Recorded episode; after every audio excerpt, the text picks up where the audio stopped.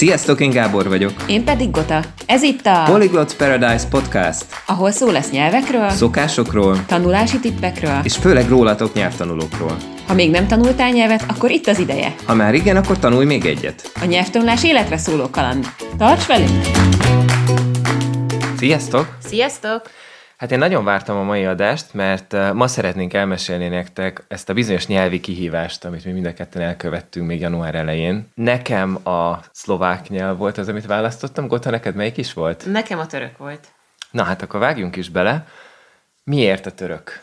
Én már korábban azért szemezgettem a törökkel, volt talán egy sorozat, amiben így megtetszett, nem tudom, hogy ismeritek-e, korai madár néven futott talán még szinkronizálva is, de hogy belehallgattam törökül, és nagyon nagy kihívás volt, utólag, ha belegondolok, maga a kiejtés. És igen, a kínai után volt kihívás uh-huh, a kiejtés, uh-huh, uh-huh. Meg az, hogy azért a magyar nyelv nagyon sok török szót tartalmaz, ugye 150 éves megszállás. Igen. Azért választottam a törököt, mert teljesen nulláról szerettem volna indulni. Gábor, te is teljesen nulláról indultál? Én is abszolút nulláról indultam, sőt, szinte negatívból, mert nekem be kell vallanom, hogy én korábban nem, kifejezetten nem szeretem, kicsit idegenkedtem a szláv nyelvektől, és azt gondoltam, hogy a szláv nyelvet aztán biztos nem fogok tanulni Tavaly meglátog, ellátogattunk Szlovákiába és Csehországba is, és egyrészt az embereknek a barátságossága megfogott szinte azonnal, különösen az, hogy ők is próbáltak hozzánk magyarul beszélni, mi meg turistaként egy kicsit szlovákul, és ahogy láttam a feliratokat, meg hallgattam a, nem tudom, tömegközlekedésen, ahogy, ahogy beszélnek egymással az emberek, a nyelvnek a hangzása, hangzása is el, elkezdett tetszeni. Úgyhogy ezért én is belevágtam. Személy szerint három hetet szántam rá napra pontosan. Gota, nálad mennyi volt az az idő? Hát attól függ, hogy hogy nézzük, mert én közben azért angolt is, meg japánt is egy picit elővettem, de alapjáton, ha össze kéne vonni, szerintem két hét azért csak volt. Két hét. Tehát akkor két-három hétről beszélünk most. És mi volt az elképzelésed, hogy mit tudsz ennyi idő alatt elérni?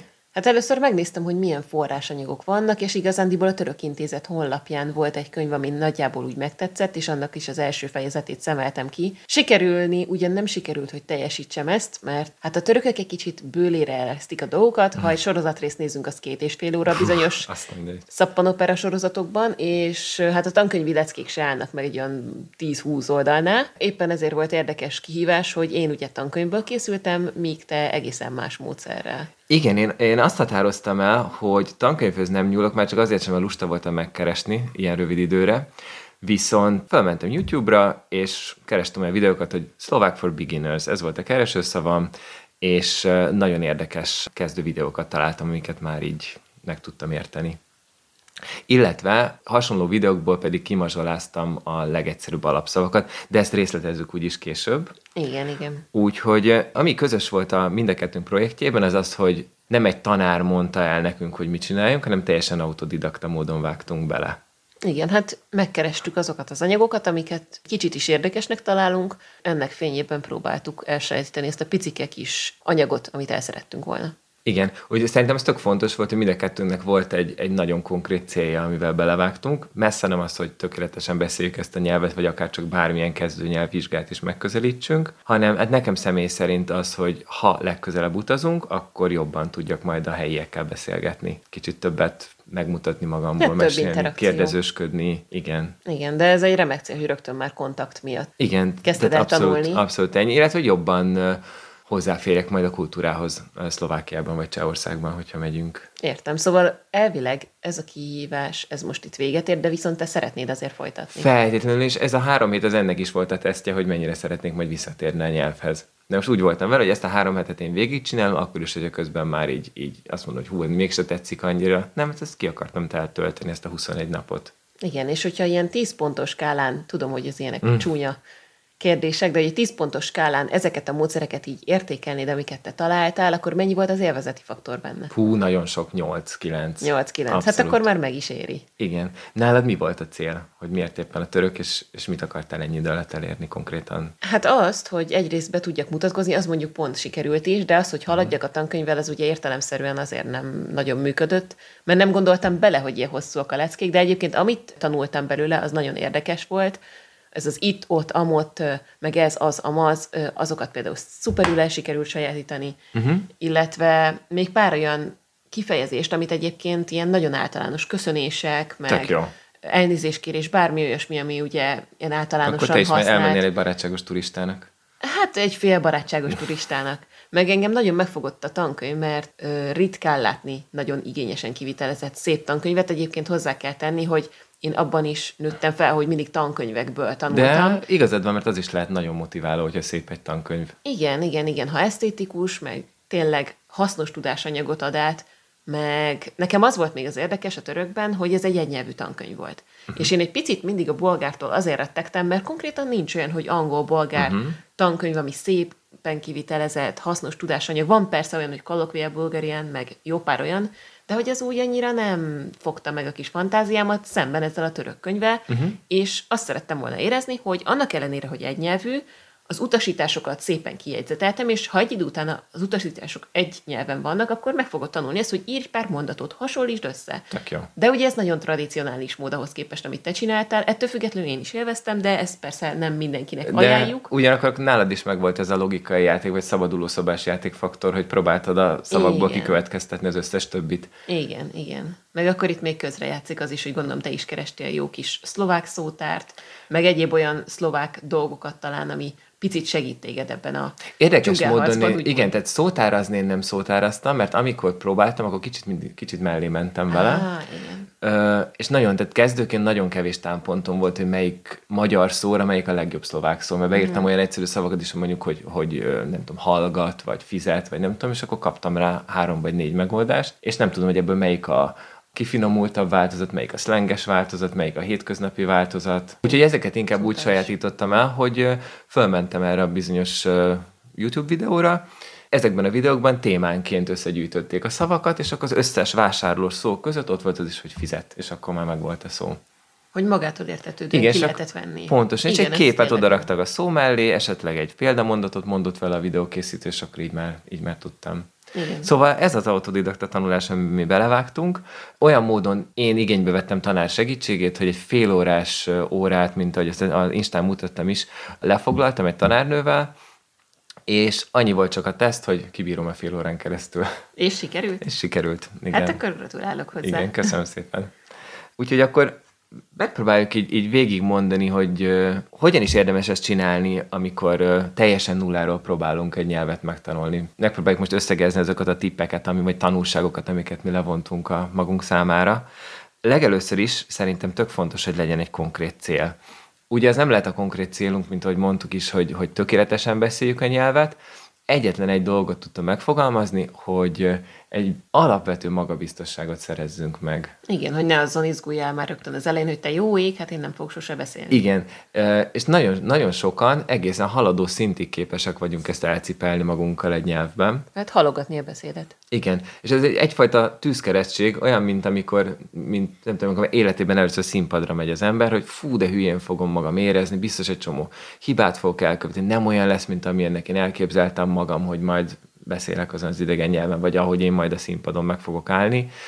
De ez az a jó ebben, hogy ezt csak egyetlen egyszer kell túlélni. És Nyelvenként vagy úgy blokk? Hát lehet, hogy hát unblock biztosan, de szerintem nyelvenként is, mert én hiába beszélek már jól angolul, azért a szlovákon belül is kicsiben ott volt az az érzés, hogy hú, hülyeségeket fogok mondani, bénának fogok tűnni, de most már, hogy megvolt, most már, most már bármi jöhet. Összegezve ezzel azt akarod mondani, hogy minél korábbra kéne tolni ezt a tűzkerességet. Pontosan, igen. És az a jó hír, még egy jó hír, hogy minél több nyelvet tanulunk, annál kisebb lesz ez a jaj, de hülyén érzem magam érzés majd a következő nyelvben, és ha már a nem tudom, nyolcadiknál, tizediknél szerintem el is fog tűnni. Hát másért nem azért, mert ismerős a helyzet. Ó, megint ugyanabban a helyzetben Pontosan. vagyok, mind németből, Igen. mind angolból, mind bármelyik nyelvből, ami már Igen, megvolt. igen. Milyen forrásokat találtál? Akkor te mondtad, hogy tankönyvből dolgoztál, volt egyéb forrásod? Én még a források előtt idehoznám, hogy korlátoljuk már be magunkat időben, hogy erre mennyit szánunk, és most nem az, hogy heti egyszer elmegyek tanárhoz, vagy heti egyszer majd nézek egy, egy darab sorozatot, ezt érdemes napi szinten, vagy ha nem is napi szinten, de belecsempészni tényleg minél sűrűbben a hétköznapokba, és, és azt mondod, hogy jó, akkor én most utazásra megyek, tudjam is én Spanyolországba, nekem mondjuk van addig még három hónap, öt hónap, uh-huh. bármi, Tehát még milyen sok. és kijelölsz magadnak arra reális célokat. Szóval nem az, hogy ó, én el akarok jutni célja egyik három hónap alatt. Szóval azért Persze. Nézzük a realitást.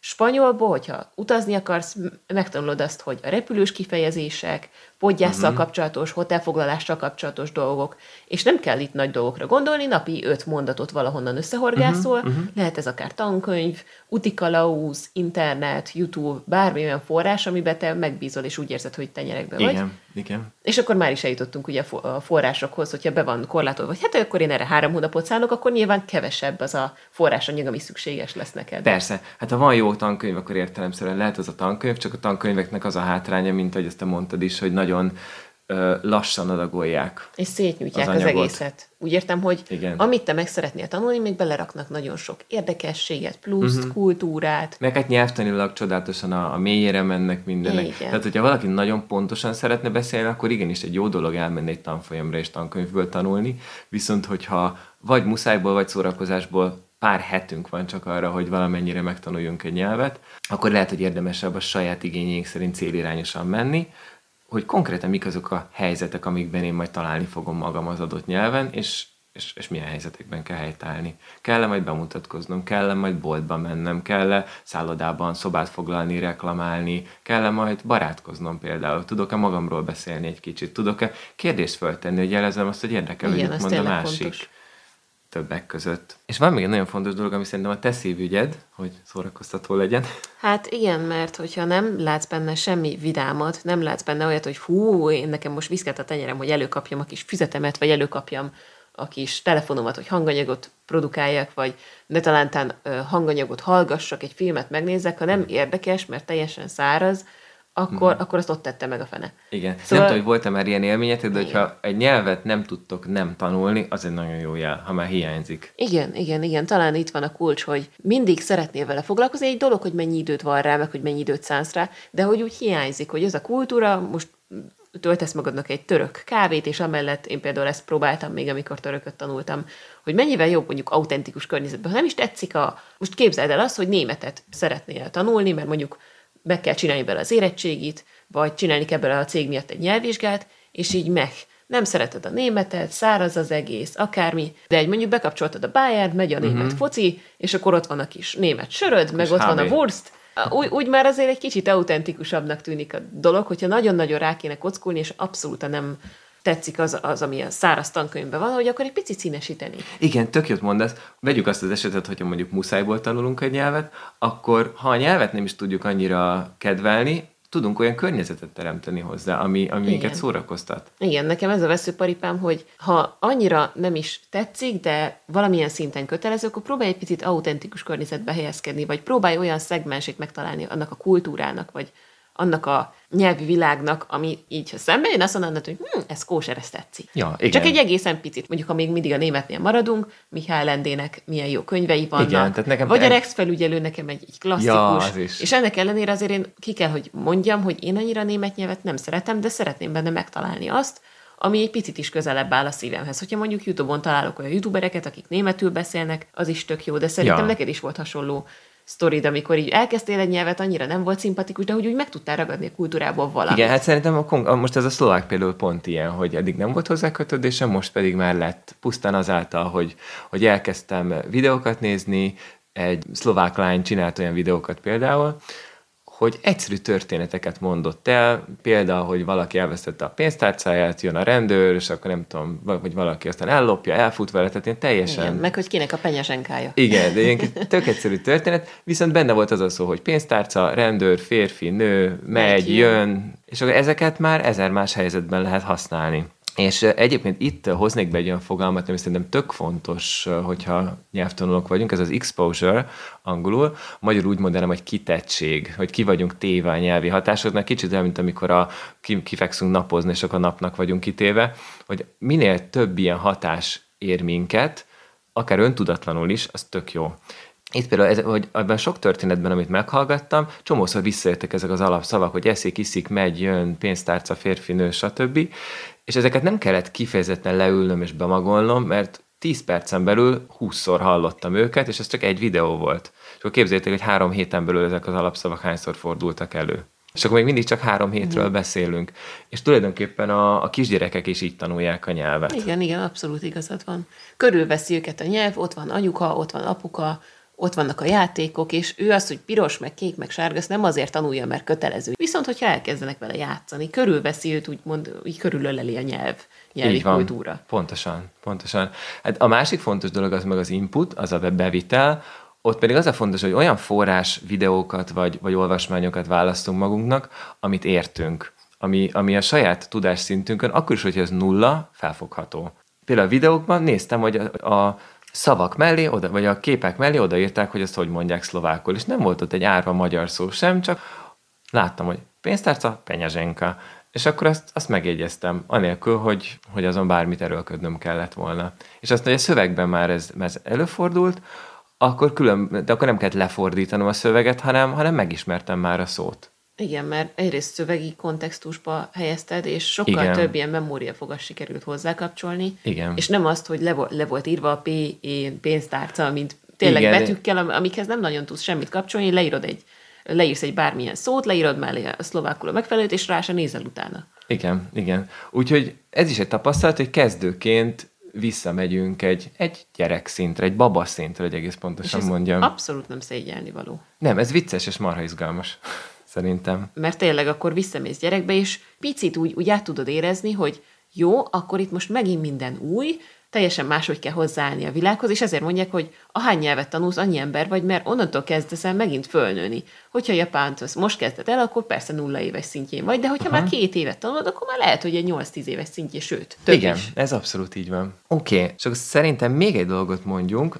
talán már rá is tapintottunk kicsit, hogyha egy ilyen kihívásba vágunk bele, akkor nagyon érdemes a végére betenni egy próbatételt magunknak, hát saját vérmérsékletünk szerint, hogy ki mit tud vállalni, én szeretem egy kicsit így, így húzatni magam, hogy legyen ez egy kicsit ijesztő, és azért mondtam, akkor rögtön 30 percet szeretnék beszélni, és ez nem azért van, hogy most megszégyenülés, meg hibáztassam magam, hogyha nem sikerül, hanem egyszerűen csak kipróbálni, hogy mi az, amire képes vagyok. És annyi volt csak, mert úgy, mi vagy ez a célom, hogy én szeretnék majd kint egy kicsit beszélgetni, ahhoz mérten választottam ezt a próbatételt, hogy ez a kis beszélgetés a tanárnővel.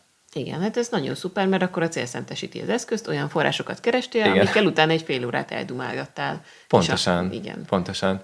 Nálad volt-e ilyen cél? Amint említettem ebbe a szappanopera-szerű, hát nem is szappanopera, ilyen sorozat, ilyen végjáték sorozatba utána belenézni, és legalább a köszönéseket kivenni, pár ilyen alapfogalmat, és az, az sikerült végül is, én nem állítottam ennyire challenge-esre a uh-huh, mércét, uh-huh. de ettől függetlenül sikerélmény az volt, uh-huh. és remélem egyszer majd oda is eljutok, hogyha már egy picit föltankoltam ezekből a for fun forrásokból, hogy te is megpróbálok én is keresni majd ilyet törökből, hogy én is majd akkor tudjak törökökkel tök beszélgetni, jó. mert ez tök jó, amikor tényleg így barátság kialakításra, meg tényleg emberekkel való kommunikációra, amire a nyelv való. Igen. Mert lehet ezt passzívan is tanulni, semmi baj nincs azzal se, de hogy ha te szeretnél tényleg egy kicsit többet, egy kicsit mást, akkor senki nem fogja oda tartani a pisztolét a fejedhez, hogy akkor te most nem teljesítetted, és bum. Persze, persze. Oké, okay. szóval akkor te inkább így a szórakozás meg a fan oldaláról fogtad ezt Még meg. igen, de most, hogy így mesélted, én is kedvet kaptam hasonlóhoz. Jó, szuper. Mindenketten végiglapozzuk a füzetünket, és csak egy címszavakban elmondjuk, hogy mik azok, amikkel foglalkoztunk, hogy gyakorlatilag is, is mutassunk egy kicsit ebből.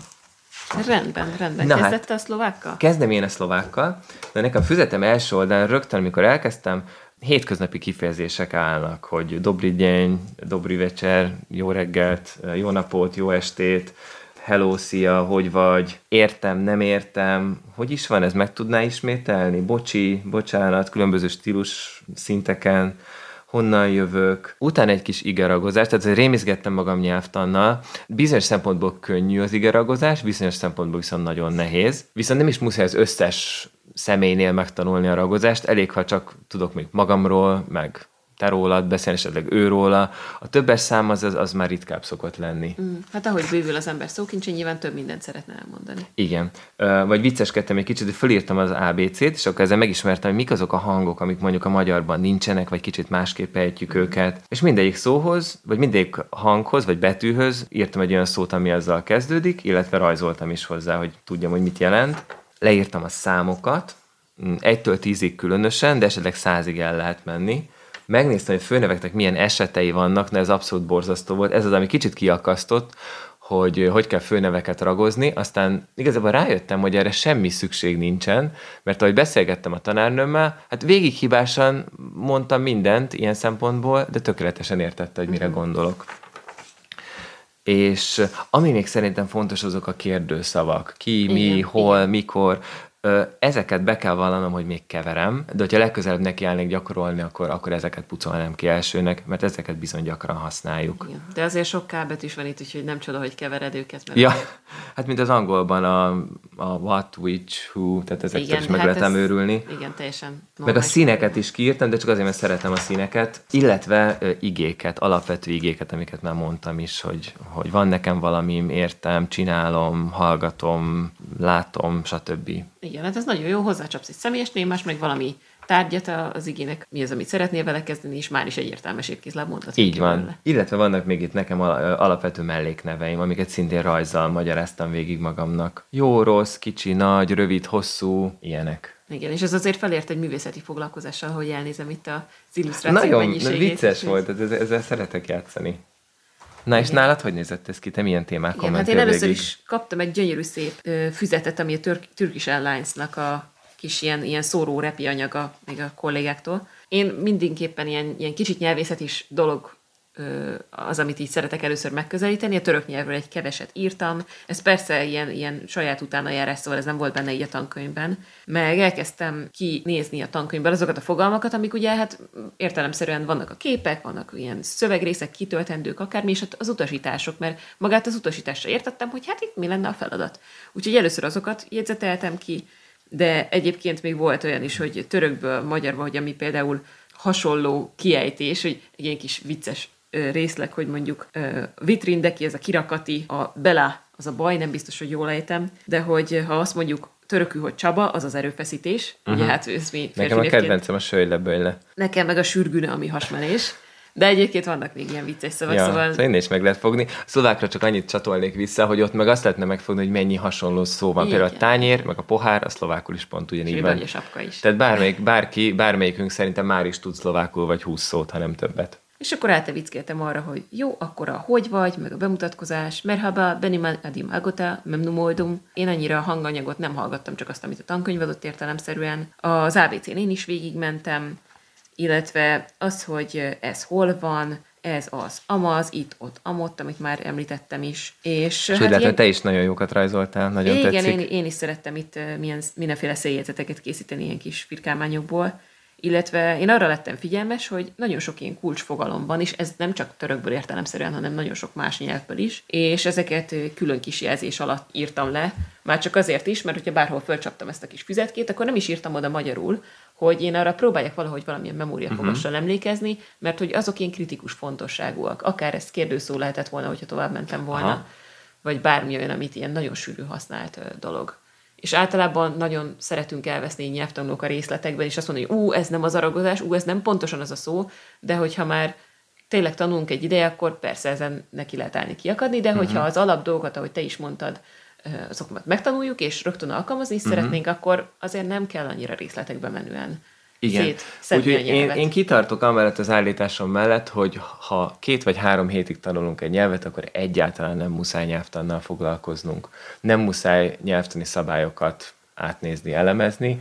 Szerintem szavakat tanuljunk, szavakat tanuljatok, hogyha ilyenbe vágtok bele. Talán csánkokat. Igen, csánkokat, amik tulajdonképpen kifejezések egyben, a, például a, a hogy vagy, köszönöm jól, Amik egybe tartoznak, és nem szedjük őket szét. igen, amiket mindig így egyben használunk. Úgyhogy akkor szerintem ma, mára ennyi volt az adásunk, és köszönjük Igen. szépen, hogy meghallgattatok minket. Beszéltünk arról, hogy miért vágtunk bele a, ebbe a nyelvi kihívásba. Fontos, hogyha, hogyha ti is nyelvet tanultok, hogyha új nyelvbe vágtok bele, állítsatok fel egy nagyon konkrét célt, Adjatok hozzá időt, Igen. hogy mennyi idő alatt szeretnétek ezt teljesíteni, igen, gondolkodjatok rajta, hogy hogyan szeretnétek tanulni, akár forrás szinten, akár ez a fán, vagy pedig inkább a tankönyves verzió, vagy esetleg akár másik is. Igen, hogy lehet a környezetet szórakoztatóvá tenni, hogy visszavágyatok oda, hogy újra akarjátok csinálni, ahhoz pedig adtunk néhány tippet, hogy konkrétan milyen nyelvi elemeket érdemes megtanulni. És ne csüggedjetek, hogyha esetleg első nekifutásra nem sikerül, mert nem minden mehet elsőre, de hogyha többször neki mentek, és tényleg szeretnétek, akkor meg tudjátok oldani, hogy sikerüljön teljesíteni ezt a célt, amit kitűztetek. Így van, úgyhogy sok sikert kívánunk nektek is. Köszönjük, hogy velünk tartottatok. Ha tetszett az adásunk, akkor kövessetek be minket itt Spotify-on vagy Podbean-en. Nézzetek rá az Insta oldalunkra is, a linket a podcast alatt találjátok. Ha megmozgatott titeket a téma, kommenteljetek, kérdezzetek, kíváncsiak vagyunk rátok. Sziasztok! Sziasztok!